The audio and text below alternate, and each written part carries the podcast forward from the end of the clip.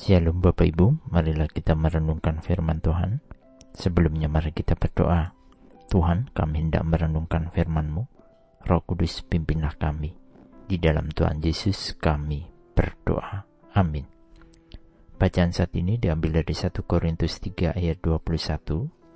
1 Korintus 3 ayat 21. Karena itu janganlah ada orang yang membegahkan dirinya atas manusia, sebab segala sesuatu adalah milikmu.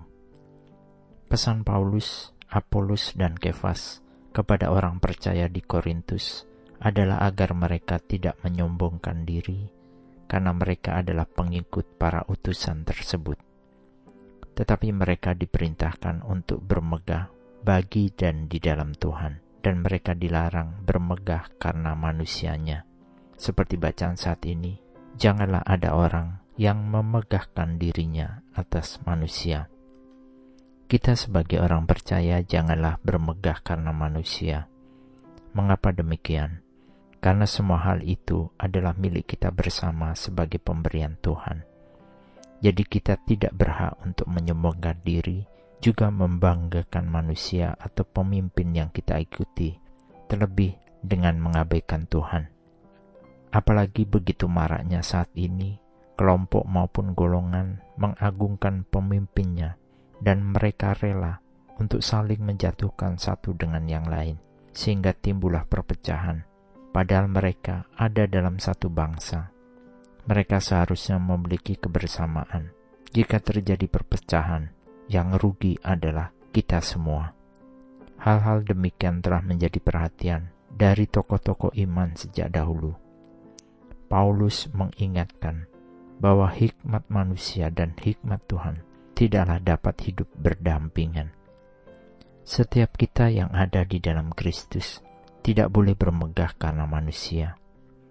Cara pikir berdasarkan kebijaksanaan manusia itu pada akhirnya adalah sia-sia dan tidak berharga.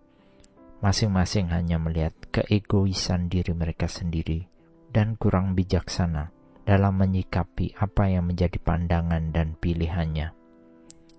Kita hendaknya membangun kesatuan, siapa pun pemimpinnya, biarlah mereka juga berjalan dalam hikmat Tuhan.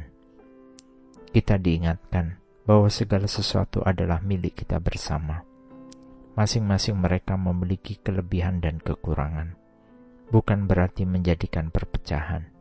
Hal ini berlaku tidak saja pada pemimpin secara sekuler, tetapi juga pemimpin kita secara rohani. Marilah kita senantiasa bermegah di dalam Tuhan, bukan bermegah atas manusia. Karena jika bermegah atas manusia, maka sebenarnya kita hanyalah melayani diri kita sendiri ketika kita memiliki pemimpin baik di dunia pekerjaan maupun di dalam kerohanian. Mereka itu hanyalah hamba Tuhan dan rekan sekerja. Kita tidak sedang berkompetisi dan mengadu pengaruh, tetapi bagaimana kita bisa membangun suatu kesatuan di dalam Kristus. Tuhan yang mengajarkan kita saling mengasihi. Amin. Mari kita berdoa. Bapa Surgawi kami bersyukur ketika kami diingatkan untuk kami tidak bermegah karena manusia, karena semua akhirnya akan menjadi sia-sia. Kami akan saling membenci dan menjatuhkan. Ajari kami untuk tidak hanya melayani diri kami sendiri, tetapi biarlah kami memberikan diri kami untuk kebersamaan yang mengagungkan dan memuliakan nama Tuhan saja. Ampunilah segala salah dan dosa kami ya Tuhan. Di dalam Tuhan Yesus kami berdoa dan memohon. Amin. Tuhan Yesus memberkati. Shalom.